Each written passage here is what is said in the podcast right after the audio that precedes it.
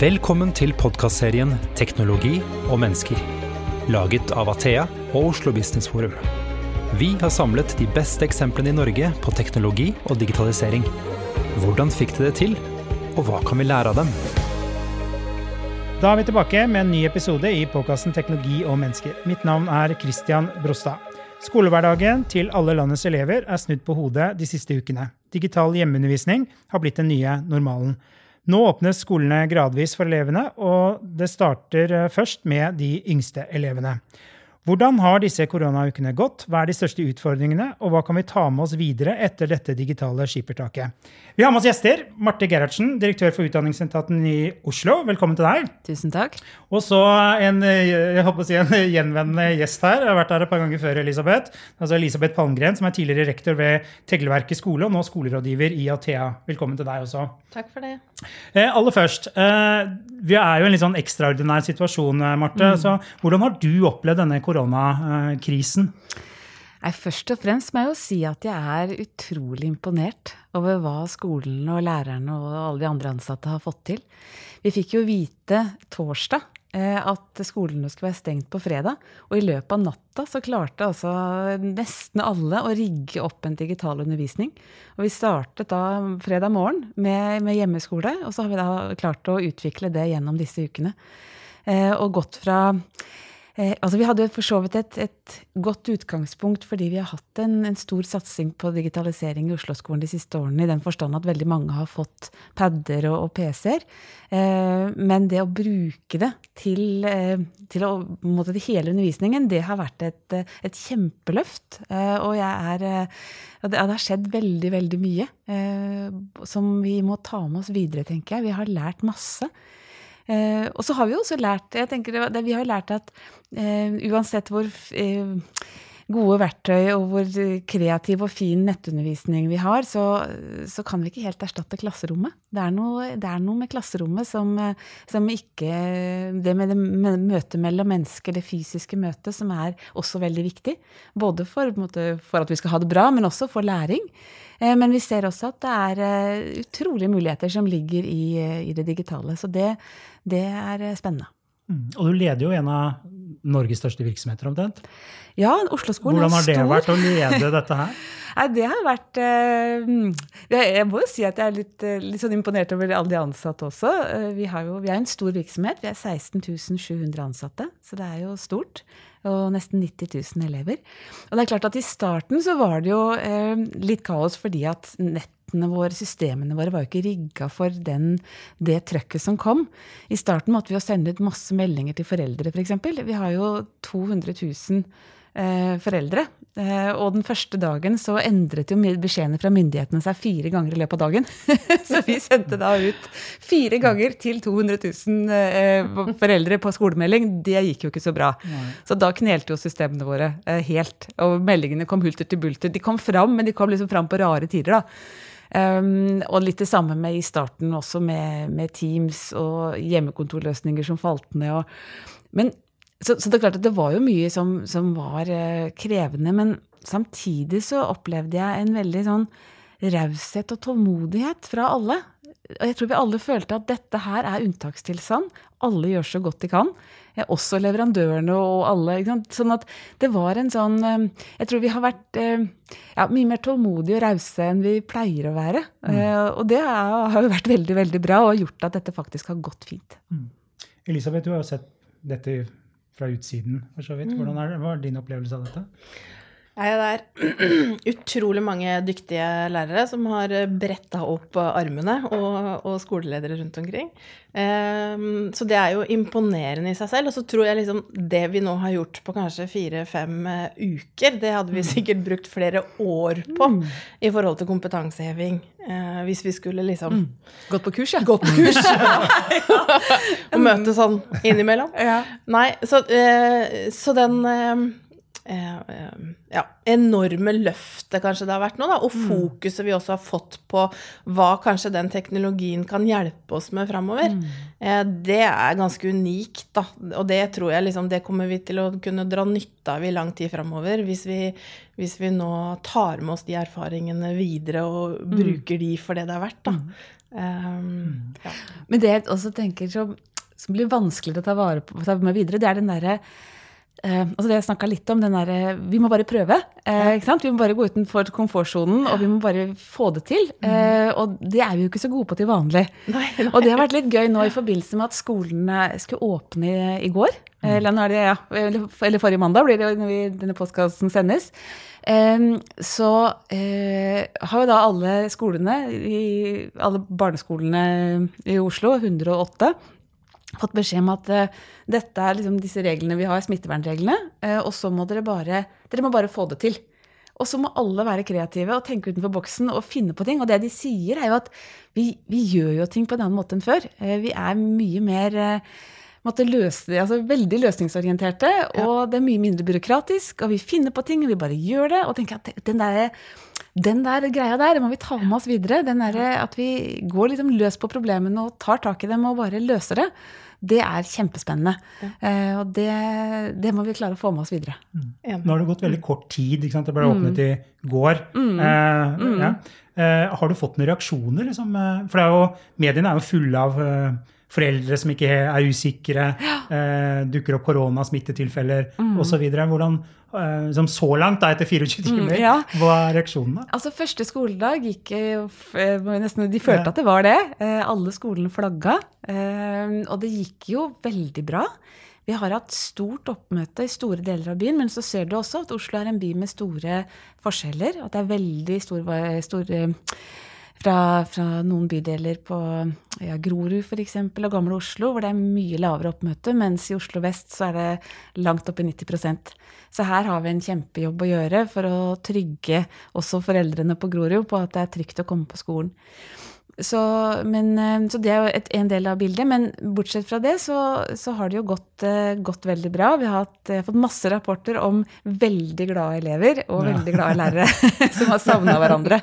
Så, Det er den første skoledagfølelsen. ja, veldig. Ja. Men selvfølgelig, det har jo vært veldig annerledes enn det pleier å være. De er jo da delt opp i kohorter, der de alle har lært seg et nytt ord. Eh, Kohort på 15, eh, de minste. Eh, Og med da litt, kanskje er det et annet klasserom, kanskje det er en annen lærer der, for de måtte dele det opp på en litt ny måte. Og så får de jo ikke lov å leke med de andre enn enn de i sin kohort, da.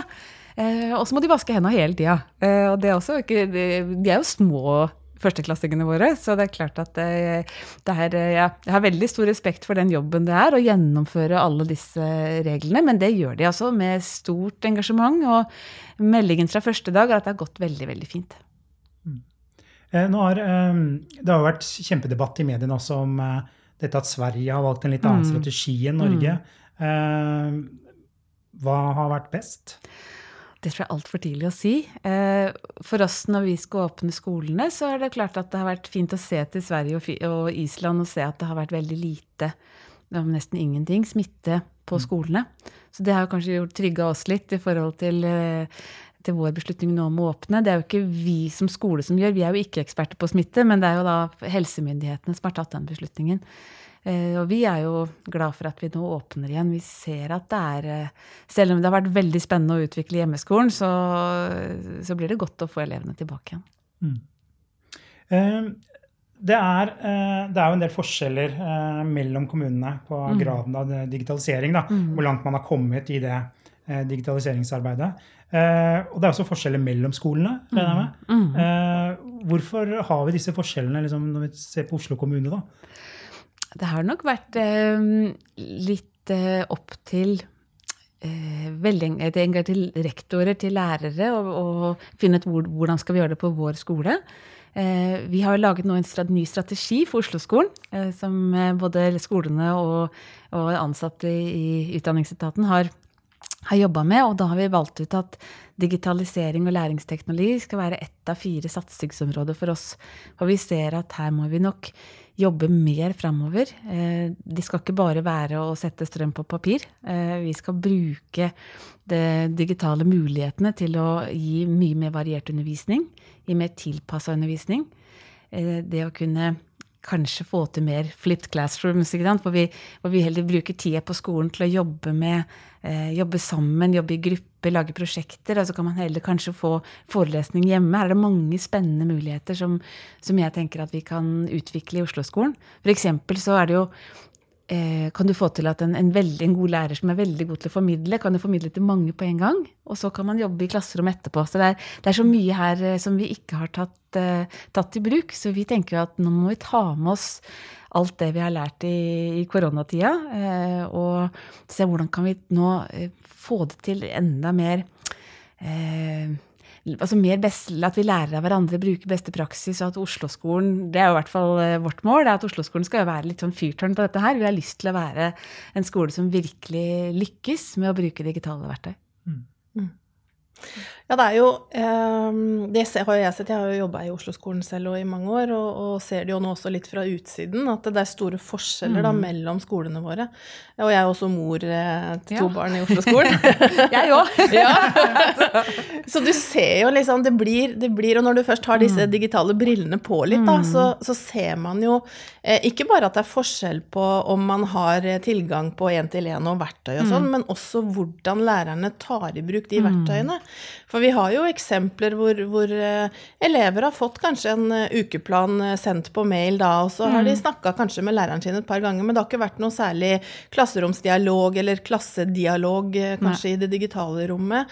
Mens i andre skoler så har det liksom vært ordentlig autentiske problemstillinger. Man har åpnet opp og hatt rike oppgaver og Møter på Teams og Ja, ja møter på Teams og alt dette her. Mm. så det er liksom Det er store forskjeller mm. i hvordan man digitaldidaktisk også også bruker de verktøyene mm. vi har tilgjengelig.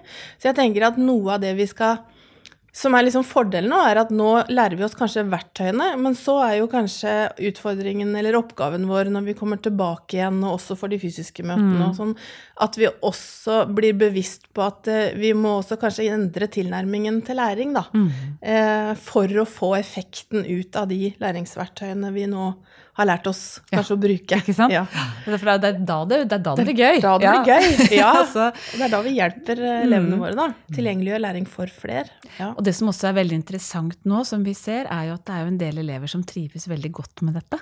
Ja. Som sier at de får mer arbeidsro, de får mer mulighet til å gå ordentlig dypt inn i ting. De sier at, eh, og lærerne sier at de også plutselig ser at det er lettere å vurdere elevene og finne ja. ut Oi, her var det mye mer enn det jeg har sett i klasserommet. Mm. De som ikke, så, um, som ikke tar så mye plass og ikke er så høylytte, kan, mm. der kan det ligge masse som kanskje ikke lærerne har fanget opp så godt i den fysiske undervisningen, som de nå ser at, det, at de får en Det er lettere å se hver enkelt. Og også for de elevene som Eh, som har det litt vanskelig. Vi har jo hatt i, i, i denne perioden et veldig stort fokus i Oslo-skolen på å fange opp og følge opp de elevene vi er litt bekymra for. Så lærerne har jo ringt hjem og snakket med elevene. Noen av dem har møtt dem, gått på tur, bare for å finne ut åssen har de det. Og det de flere sier, er at de har jo egentlig fått en enda tettere kontakt nå enn de har hatt tidligere. Så, så, jeg tror at veldig mange ser at mulighetsrommet er mye større enn det de hadde tenkt før. Ja. Eh, og det er det å da klare å gjøre dette, fortsette da, med det når, mm. når hverdagen kommer tilbake. Mm. Ligger det nå i kortene at eh, For du sier at det er jo litt eh, Jeg tolker deg litt sånn, mm. for du får arrestere meg hvis jeg tar feil, mm. men at det har vært litt overlatt til hver enkelt skole og skoleledelsen på hvordan de har håndtert digitaliseringen, og at dere nå skal eh, bredde ut og løfte mm. alle skolene på samme nivå? Er det det? Det er nok litt viktig å si det sånn. Eh, altså at vi har vært opptatt av å sikre at alle skal ha tilgang til eh, digitale verktøy. At vi skal ha god nett på skolene. Det har vært jobba masse med den tekniske infrastrukturen. Det er jo store systemer vi snakker om her. Vi er den største brukeren i Oslo kommune.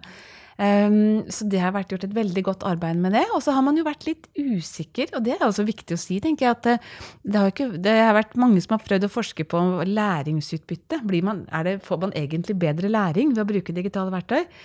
Og hvis man bare bruker digitale verktøy som som strøm på papir, ellers, altså at man ikke endrer undervisningen, så, så, kan vi egentlig ikke se at det, vært, at det gir veldig mye ekstra læring. Eh, så det har vært en stor diskusjon, og derfor har jeg vært nok litt usikker, i, eh, også fra Oslo-skolen sin side, på hvor, hvor, hvor tungt skal vi gå ut i dette. Eh, men nå kommer jo den nye læreplanen og fagfornyelsen, hvor digitale ferdigheter er en av fem ferdigheter som alle barn skal ha. Og hvor det også stilles store forventninger til hvordan vi skal Altså teknologi i seg sjøl er viktig. Eh, så det var den ene grunnen. Men så har jeg også veldig stor tro på at dersom vi klarer å, å bruke dette riktig og klokt, så kan vi få, eh, få, masse læring ut av det. Ved at vi kan tilpasse undervisningen bedre. Kanskje kan vi i framtida slippe eksamen, fordi vi klarer isteden å følge elevenes progresjon og kunnskapsnivå gjennom å følge, følge hvilke oppgaver de gjør. Mm. Så vi kan få mye bedre vurdering, vi kan få mye mer til, ja, tilpassa undervisning, eh, mye mer interaktivitet. Eh, jeg har vært i en del klasserom hvor de har sittet med um, hvor de sitter med iPad-undervisning, og da kan jo alle jobbe ut fra hvor de er sjøl. Um, mens i et vanlig klasserom, hvis læreren går gjennom noe på tavla Jeg husker i hvert fall jeg var litt sånn slapp eh, Jeg var en litt slapp elev som likte vindusplassen veldig godt. Og hvis det ble kjedelig, så bare feida jeg ut og gjorde andre ting. Uh, og det slipper du nå. For da sitter alle sammen og har faktisk en oppgave som de syns er interessant, og som de mestrer. Um, så når vi får til det, da tenker jeg at vi kan eh, løfte mange flere og sørge for at flere lykkes i skolen. Og det er jo målet. Mm. Jeg syns akkurat det der med vurderingstema synes jeg er så spennende. da. Mm. Eh, og jeg skulle ønske vi også hadde en, eh, et departement som var enda mer spenstig på det området, da. Eller hvordan man mm. utvikler eh, eksamensformer og sånne mm. ting. Og jeg ser jo også at praksisen Vi trøbler litt grann i, i videregående og kanskje også ungdomstrinn med hvordan vi, vi bruker For jeg tenker vi har vel aldri hatt så bredt vurderingsgrunnlag på elevene våre som etter mm. de fem ukene nå. Det kan jeg nesten ikke tro. For det, mm. eh, i hvert fall ikke når jeg ser uh, hvor mye kontakt det har vært på enkelte skoler da, mellom mm. elev og, og mm. lærer. Uh, hvor mye elevene har levert inn, og mm. hvor lett det har vært å følge på en måte eleven. da. Uh, I hvert fall for de som har hatt den praksistilnærmingen. Og så tenker jeg at da de vurderingssituasjonene som man da nå litt kunstig kanskje setter opp, ja. det blir litt sånn rart. fordi at det, aldri før har vi vel kanskje hatt den kompetansen om elevenes læringsutvikling mm -hmm. som man kanskje sitter på nå. Mm -hmm. Men jeg er litt sånn usikker på hvorfor allikevel vi er det, er det, en følelse av at vi må dokumentere at de har hatt en vurderingssituasjon, eller er det gammel praksis som kommer Eh, fram igjen, eller hva er det som gjør at vi tenker at vi må ha disse vurderingssituasjonene? Det, et argument for det er selvfølgelig det at eh, det er viktig å sørge for at barn over hele landet har et likeverdig tilbud, ja. og at de lærer det samme. Mm. Eh, så det å ha noen sånne tester på en måte som, som du tar uansett om du bor i Karasjok eller på Bøler, er, det er noe bra med det. For, å være, for en sånn trygghet, tenker jeg, for at vi Det er jo utrolig viktig at uh, elevene over hele landet lærer de samme tingene og har den samme kunnskapen når de går ut. Ja. Uh, men når det er sagt, så er jo den der eksamen en veldig, veldig urettferdig sak. så, jeg, så, jeg, er jo egentlig uh, litt sånn glad for at det er avlyst. At, ja. det, er ikke noe, det, er ikke noe, det er ikke noe krise i det hele tatt. Og som du sier, nå kan vi heller jobbe mye bedre med standpunktkarakterer. Men, men det er det å klare å finne Jeg tror det er derfor, departement, er derfor departementet strever litt, tror jeg. Fordi at vi, vi trenger den derre den nasjonale ja, det er enig. sjekken på en eller annen måte. Ja. Vi, Kanskje vi skal finne ut av det. Ja, kan vi det? det er vår jobb å løse. mm. Marte, hvis du skulle liksom to-tre ting liksom, beskrive hva de største utfordringene har vært mm. um, under denne koronatiden, hva vil du si da? Jeg tror nok det, det jeg har vært mest bekymra for, er jo de elevene som ikke har det så bra hjemme. Mm. Hvor, hvor, eh, og det kan være mange ulike ting. Det kan være sykdom, det kan være vold i hjemmet, det kan være forskjellige ting som gjør at de, at de ikke har det så bra. Og for dem så har skolen vært et veldig viktig, eller er skolen, et veldig viktig fristed. Hvor de kan bare være seg sjøl, og hvor de kan være sammen med venner, og hvor de på en måte får litt fri fra, fra hjemmesituasjonen sin. Eh, og de, de eh, elevene som nå har vært, uh, vært på hjemmekontor med, med, hele familien i ukevis, det har nok vært krevende for en del. Så, så de har jeg vært bekymra for. Mm. Uh, som sagt så har vi jobba mye med å prøve å følge de opp og ringe og møte noen av de og sånn, men, men, det blir jo ikke det samme. Uh, så det, det, er en stor bekymring. Eh, og, men også litt sånn for eh, eh, eh de som, eh, de som, går i tiende klasse, og de som går i sjuende, og som skal liksom over i nytt skole Ja, disse skiftene mm. som er litt sånn viktige, og, og som, hvor elevene våre kan være litt sårbare. Og det er viktig at de er godt forberedt. Det syns jeg er litt trist. Uh, at de ikke er på skolen og ikke er, ja, er klare for neste, neste runde. Og så er jeg også litt, uh, litt bekymra for de som Vi har jo et veldig hårete mål i Oslo på hvor mange som skal fullføre og bestå videregående skole. Vi, vil jo, vi tenker jo at det å, å ha fullført er så utrolig viktig for resten av livet. Det er så enorm forskjell på når du ser på statistikken fem-seks år etter på de som har fullført og bestått, hvor de er i livet i forhold til de som ikke har fullført. Uh, hvor det er en mye større sjanse for å ikke komme i jobb, bli ufør, altså komme, havne litt på sida. Mm. Um, så det jeg er litt bekymra for, er jo de elevene som var litt sånn løselig tilknytta, og som vi nå kanskje glipper. Eh, og som ikke får fullført, og som får en, en mye dårligere start på voksenlivet sitt. Så det jobber vi litt med nå, så kan vi, på, kan vi på en måte fange noen av dem. Mm. Så på Bjørnholt skole, en stor videregående skole i Oslo, så eh, har de nå oppretta et hjerterom eh, hvor de kan ha fysiske møter med noen av de elevene som de er litt bekymra for skal falle ut. Hvor de kan møte læreren sin og sosiallærer. At vi, vi prøver å hanke dem inn. da. Så det er nok eh, Ja, de Der hører vi jo litt sånn eh, miksa beskjeder sånn gjennom media, da. Fordi mm. eh, noen sier jo at de har fått mer kontakt mm. med noen av de elevene, og har mm. fått de lettere med seg nå. Ja. Mens det helt sikkert også er da andre, som du sier, som, som kanskje går litt under lupen vår. Men hva er inntrykket ditt sånn i Oslo generelt sett? Har vi, tenker du at den perioden nå så har vi mista flere, eller tenker du at vi også har fått inn en del som ikke um, det er veldig vanskelig. Det er litt for tidlig å si. Ja. Eh, jeg, eh, ja, begge deler er sant. Ja, ja. Eh, vi, vi, har særlig de som vi som på fagspråket kaller skolevegrere, som ikke har deltatt så mye, og som ikke har kommet på skolen og har et stort fravær. En del av dem er jo mye mer deltakende nå. de syns denne, denne, formen er mye enklere å være en del av klassefellesskapet når det er digitalt, og så mm. syns de det er mest krevende å komme når det er fysisk. Eh, så der har vi fått, Det er kjempeinteressant, og det må vi jo ta med oss videre. Ja. Men så er det noen da som, som lærerne sier at de syns det er vanskelig å få kontakt med. Mm. Så hvor mange det er i hver gruppe, veit jeg ikke ennå. Dette blir jo noe vi må finne ut av eh, etter hvert. Men, ja. men eh, nei, så, så, når du spør hva som er de utfordrende tingene, så er det nok de tre tingene der. At de som har det veldig vanskelig hjemme, de som um, jeg eh, står litt sånn i fare for å, å eh, falle ut fra videregående skole. Også, også er, og de som da er i disse overgangene, overgangsfasene, som, som jeg gjerne skulle hatt på skolen. Mm. Så, men ellers så syns jeg jo at det, det, har gått oppsiktsvekkende bra. Jeg må jo si det. Ja, det er noe merkelig. Vi mennesker klarer å tilpasse oss alle mulige rare situasjoner. Ja. så det er um, det er liksom, har jo klart å gi, Dere har jo klart å gi liksom uh, et tilbud da, til alle de 90 000 elevene, ja. på en måte. Det er jo ganske vilt. Ganske ja. vilt. Ja. Og på så, altså hadde man liksom planlagt det Antagelig vet ikke om det hadde blitt så mye bedre. Man hadde planlagt dette i årevis. Kriseplaner ut. ja, ikke sant? Nei, og det som også syns jeg har vært noe av det som eh, jeg har blitt veldig inspirert av, det er jo sånne som nettsidene på Facebook som heter Koronadugnad for lærere. For lærere bare, de bare sier sånn Sånn har jeg gjort det! Se på dette! Har, dette kan være interessant for andre. altså Man lager en delekultur. Og det er eh, utrolig bra, tenker jeg, da, for det er jo sånn vi blir bedre.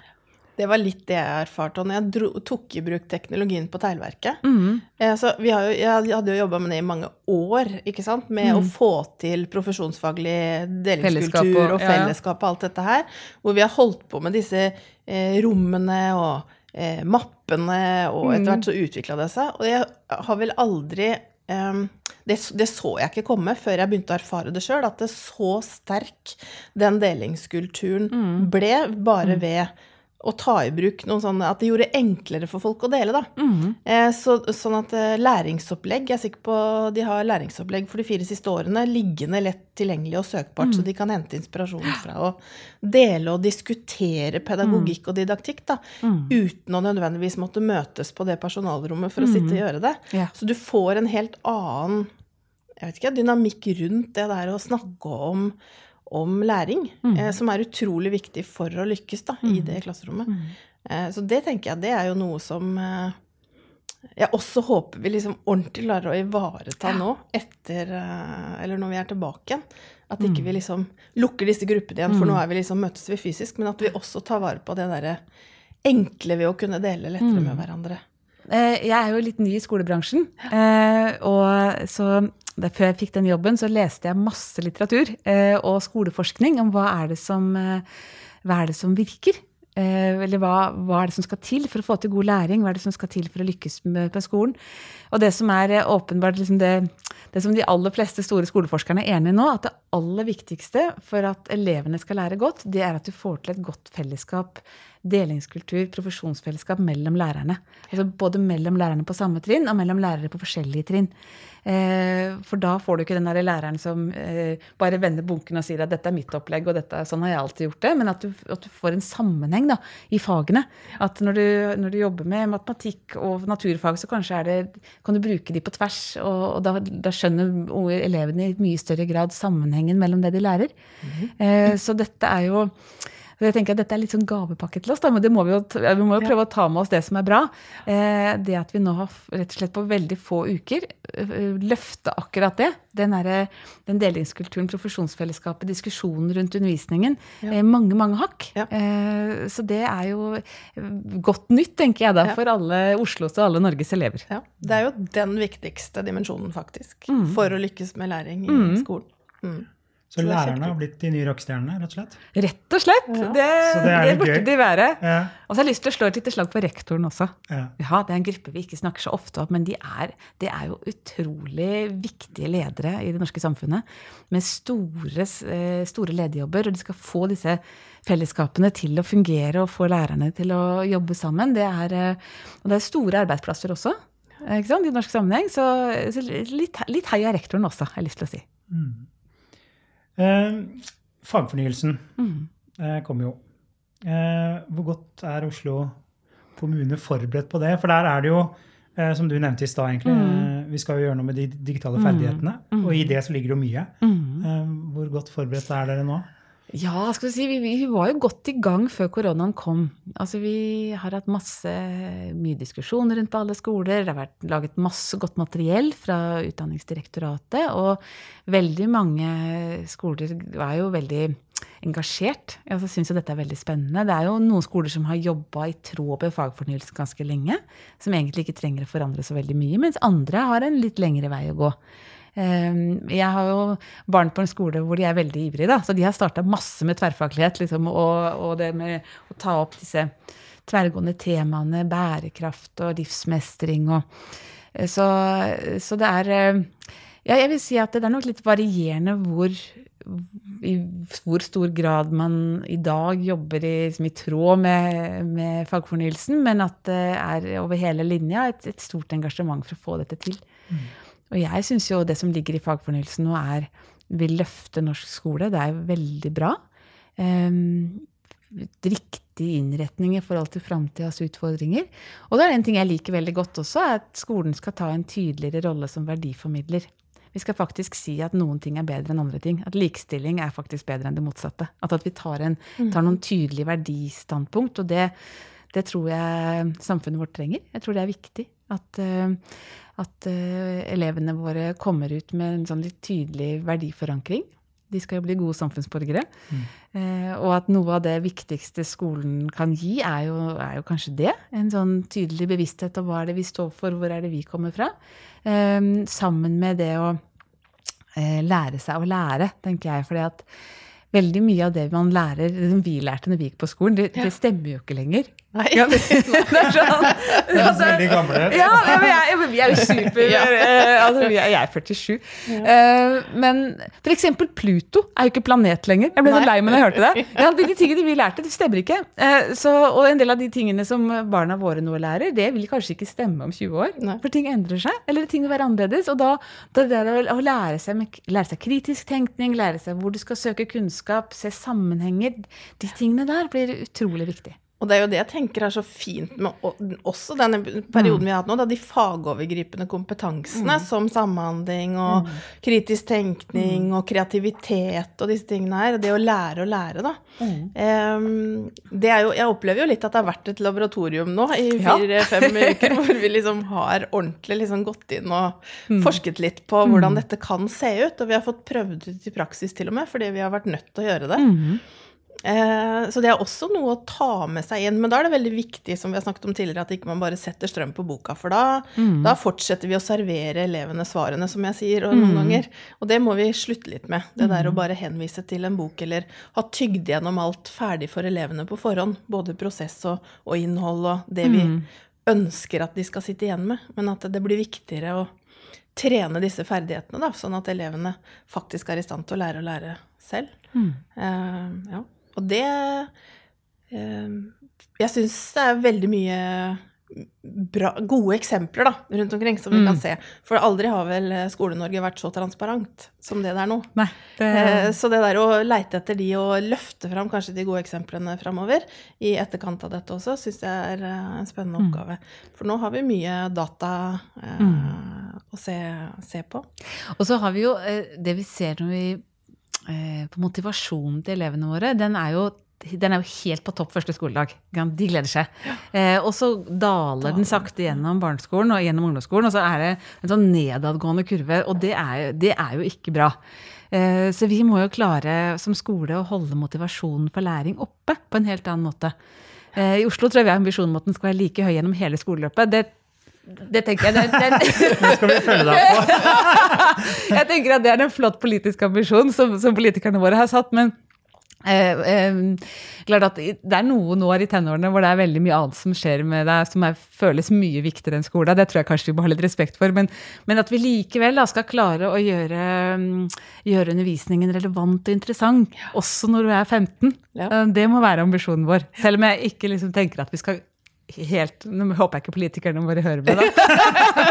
men jeg tenker at det er veldig krevende å skulle liksom ha ja. uh, helt det samme gjennom hele. Men, men, men vi, for, vi, ser at motivasjonen uh, daler for mye. Og det er ikke greit. Så der, der, håper jeg at noe av det som kommer i fagfornyelsen, kan, kan hjelpe oss til å ja, gjøre det mer spennende. Da. Ja. Jobbe litt mer med autentiske problemstillinger og engasjere det litt. Bruke hverdagseksempler. Vi, vi har jo sett det bestandig. Det er jo det, er det jeg husker sjøl òg, fra, mm. fra, jeg selv gikk på skolen. Det er jo ikke når læreren sto der og underviste og fortalte meg eh, hvor jeg kunne uh, finne ut av ting i boka, eller, mm. eller uh, hvordan ting var i, en annen kultur. Det er jo når jeg selv fikk beskjed om at nå skulle jeg ut og utforske på dette selv og innhente den. Det er jo mm. prosjektene jeg husker. på en ja, måte. Det er helt sant. Også, og det som er litt gøy nå, er jo at fordi da læreren ikke kan Eh, du ikke møtes, så finner du jo da på nye måter å levere oppgaver på. Ja. Det er filmer, og det er podkaster, og det er liksom gruppediskusjon på nett. Jeg hørte TikTok òg. Noen skulle levere noe greier på TikTok. Ja, ikke sant? Nei, hadde... Og med litt den derre personverngreia. Ja, da, det, er, det, er et, uh, Uff, ja, vi måtte jo stanse et av verktøyene som ble brukt, for plutselig kom det en naken mann inn i chatrommet. Så det, det, er, ja, og det er jo veldig dumt. Uh, så, så, det er klart at uh, det er også en ting vi må være veldig oppmerksom på og passe på, og som gjør, legger noen begrensninger. Ja. Men, eh, men, det må jo ikke overskygge det, det, det bra ved verktøyene, da. Nei. Og det er det, akkurat den der å finne den der gode balansen mm. mellom å, å, bruke de pedagogiske, altså, eller de teknologiske verktøyene for å få en bedre læringseffekt for elevene våre, da, og mm. holde motivasjonen oppe på disse mm. tingene. Men samtidig ivareta personvern og sikkerhet mm. for elevene. Det, det, er jo viktig. Mm. Begge deler, på en måte. Og vi må prøve å finne den, eh, den balansen, da. Og, og, der tror jeg kanskje at uh, ungdommene våre er bedre enn oss. Ja. De, er hvert fall, de tenker mer før de legger ut ting. Jeg tror ja. de er mye mer bevisst, faktisk. Ja. ja. Mm. ja for personvern er jo en issue her. Absolutt, ja. Eh, og det har jo um, både fra lærerperspektiv, data, altså mm. elevdata osv. Mm, mm. Er det liksom en del av uh, digitaliseringsarbeidet? Mm, kan, kan, man nok om dette? Og det kan man vel aldri, men, men det er klart at er, vi har i hvert fall veldig stor oppmerksomhet rundt det. Både informasjonssikkerhet, men også den tekniske sikkerheten. Det, mm. Dette er både det å ha et veldig bevisst forhold til hvor vi lagrer informasjon, hvem som skal se informasjon, hva vi henter inn. Og så er det en utfordring at det, det kommer jo hele tiden nye, gøye ting som lærere har lyst til å ta i bruk, Mm. uh, uten at uh, de spør oss om det. Så, og Det er jo sånn i privat næringsliv. ja. og, og det er veldig vanskelig å se for dere at man skal ha full kontroll, fordi at dette går så fort. Uh, og så sier jo vi selvfølgelig fra Utdanningsetatens side at ting må godkjennes hos oss, men, men hvis vi skal godkjenne alt, det er jo liksom tusenvis av forskjellige verktøy, apper og muligheter, så vi tenker at den beste måten vi kan tenker jeg da, drive godt IT-sikkerhetsarbeid, informasjonssikkerhetsarbeid, er å rett og slett få opp um, bevisstheten rundt disse spørsmålene hos den enkelte lærer og på den enkelte skole, at de har en god diskusjon rundt dette, istedenfor at vi skal løpe rundt og være politi hele tiden, for det blir veldig, veldig krevende for oss og veldig dårlig for, eh, for skolene. Så jeg tror vi må jobbe med at vi alle sammen blir mer bevisst uh, og har noen klare kjøreregler og retningslinjer for dette. Og så må nesten, ja, vi må nesten ta litt ansvar alle sammen. For det er jo den datasikkerheten da, eller, og personvernet som vi, som vi jo må, må, må hjelpe skolene med, og som jeg tror de etterlyser litt hjelp eh, til òg, faktisk. For det er en ganske stor jobb hvis du skal roseanalysere hver Ja, ja, eneste app du tar i bruk. ikke sant? Så det der å få noe hjelp fra, fra kommunen, men samtidig eh, øke kompetansen da, hos læreren, hva er det jeg bør tenke på før jeg tar i bruk. Og nå har jo Datatilsynet sagt at eh, de går ikke akkurat nødvendigvis etter, etter oss i disse tider.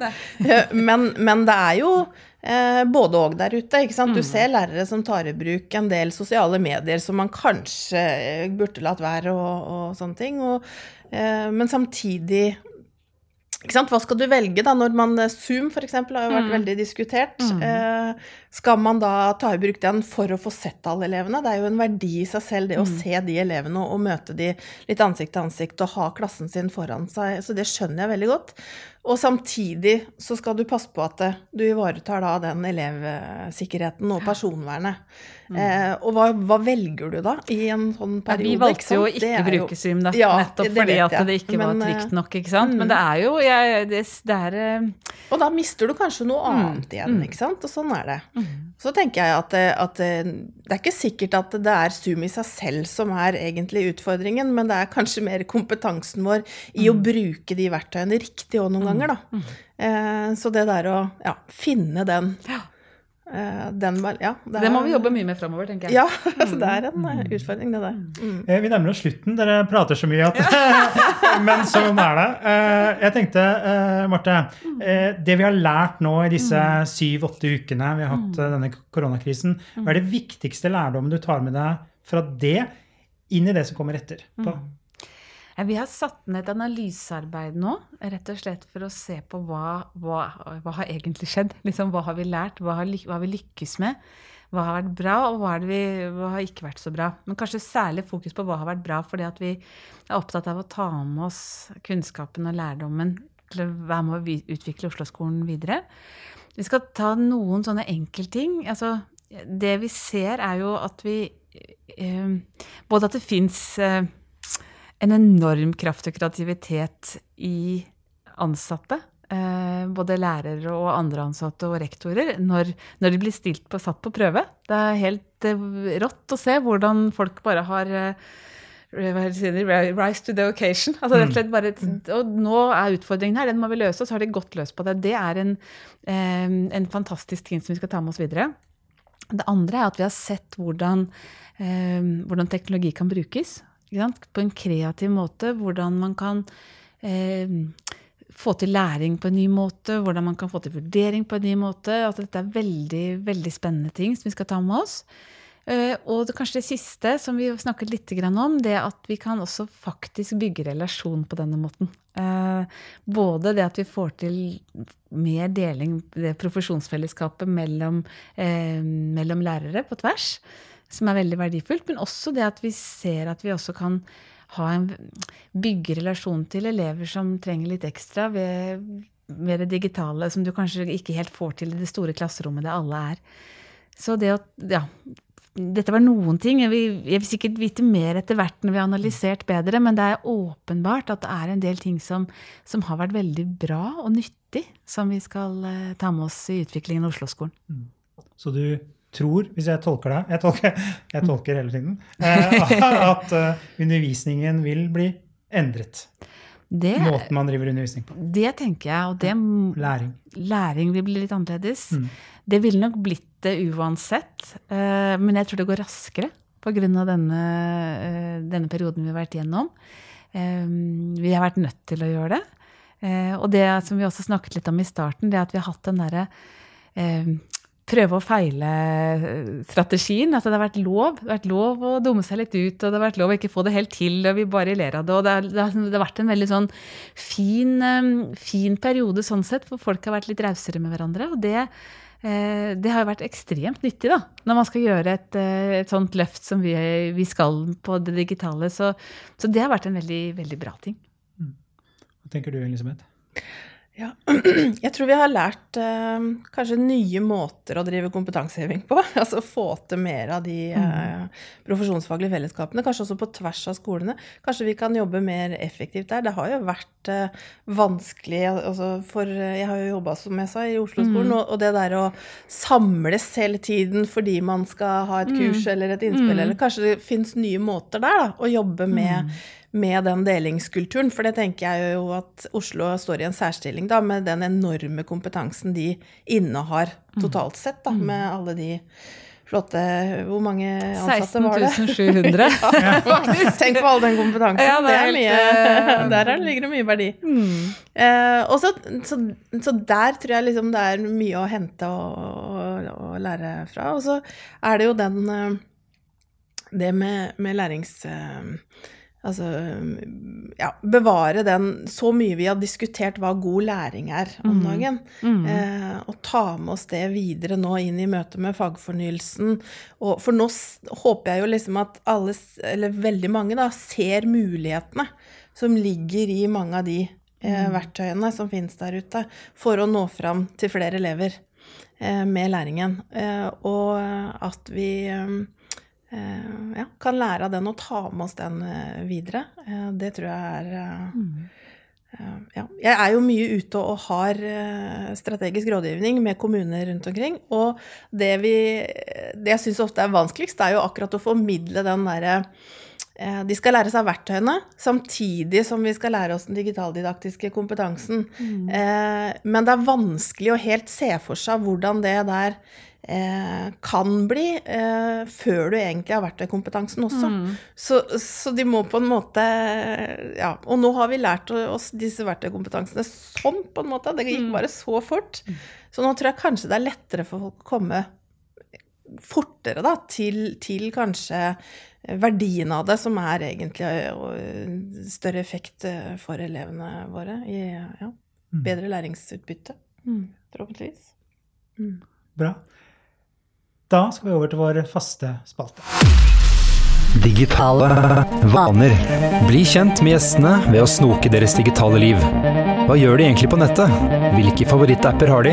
Er det streaming eller linær-TV som gjelder? TikTok eller Snapchat?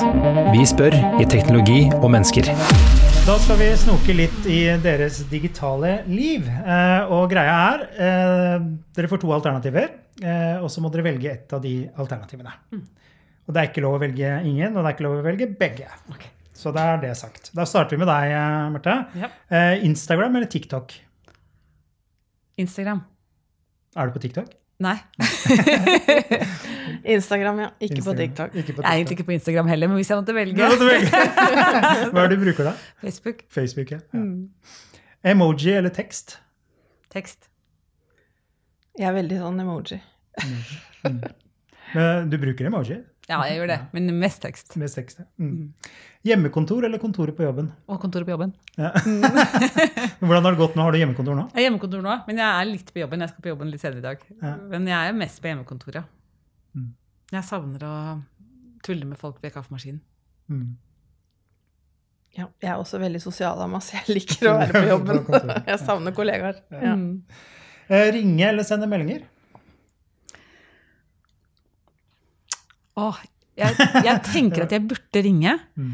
men så er det så hektisk, og det ender jeg med å sende meldinger. Men jeg syns egentlig man skal ringe. Du får, det er ofte mye bedre. Du får avklart ting mye raskere, egentlig. Mm.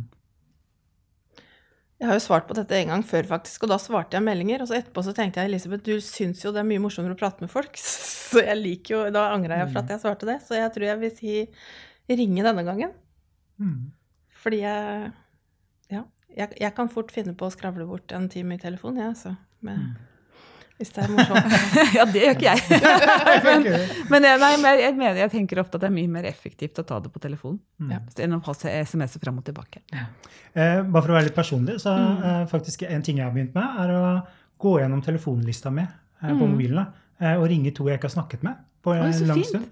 Og tro det eller ei, folk blir glade. Ja, så klart det Ja. Så det, det er et tips til alle som lytter Ja. på til dere to. Ta og Ring Det en det har jeg kan gjøre det med en venninne eller ikke snakka med på lenge, så Ja. går det fort en time. det Den siste er eh, lineær-TV eller streaming. Å, det blir nok streaming, ja. Det er veldig sjelden jeg klarer å treffe akkurat samtidig når, send- når det- Dagsrevyen går, f.eks. Så jeg ser det veldig ofte forsinka. Ja. Har du noen seriefavoritter eller noe? Eh, jeg ser veldig lite på TV. Eh, men jeg har sett litt på den eh, Jeg er nå på sesong to av Elena Ferrante. Ja. Den syns jeg var helt fantastisk. Men eh, det ble, ellers forrige gang jeg så på TV, så var det Åh, hun Andal Torp. Heimebane. Ja, Heimebane. Ja, Ja, det synes jeg var fint. ja. Men Mm. eh, jeg, jeg, jeg skulle gjerne sett mange flere serier. Det er bare det, akkurat nå i livet så har jeg ikke tid. det er ikke tid. Nei. Ja, det blir streaming. Jeg treffer heller aldri lineær-TV. Det må være gullrekka på fredagen i så fall, med familien. Nytt på Det nytt. er vel, ja. det er vel den jeg får med meg live, tror jeg. Ja. Siste, eh, radio eller podkast? Radio. Mm. Jeg har liksom alltid nyheter som sånn soundtrack til livet mitt. ja, det er podkast. Podcast. Mm. Jeg har sjelden på radioen. Det er mye radio nå som er podkast også, så, de tar Mm. jo, så det er jo, eh, går litt i hverandre her. nå. Mm. Eh, Marte og Elisabeth, eh, tusen takk for at dere kunne være med. Og så må vi igjen takke Tone Hotels for at vi får lov å, får lov å låne et rom. Og så ikke minst, tusen takk til deg som lytter. Du har nå lyttet til Teknologi og mennesker, laget av Athea og Oslo Business Forum. Liker du podkasten, setter vi stor pris på om du gir oss noen stjerner. Og tips gjerne en venn om podkasten.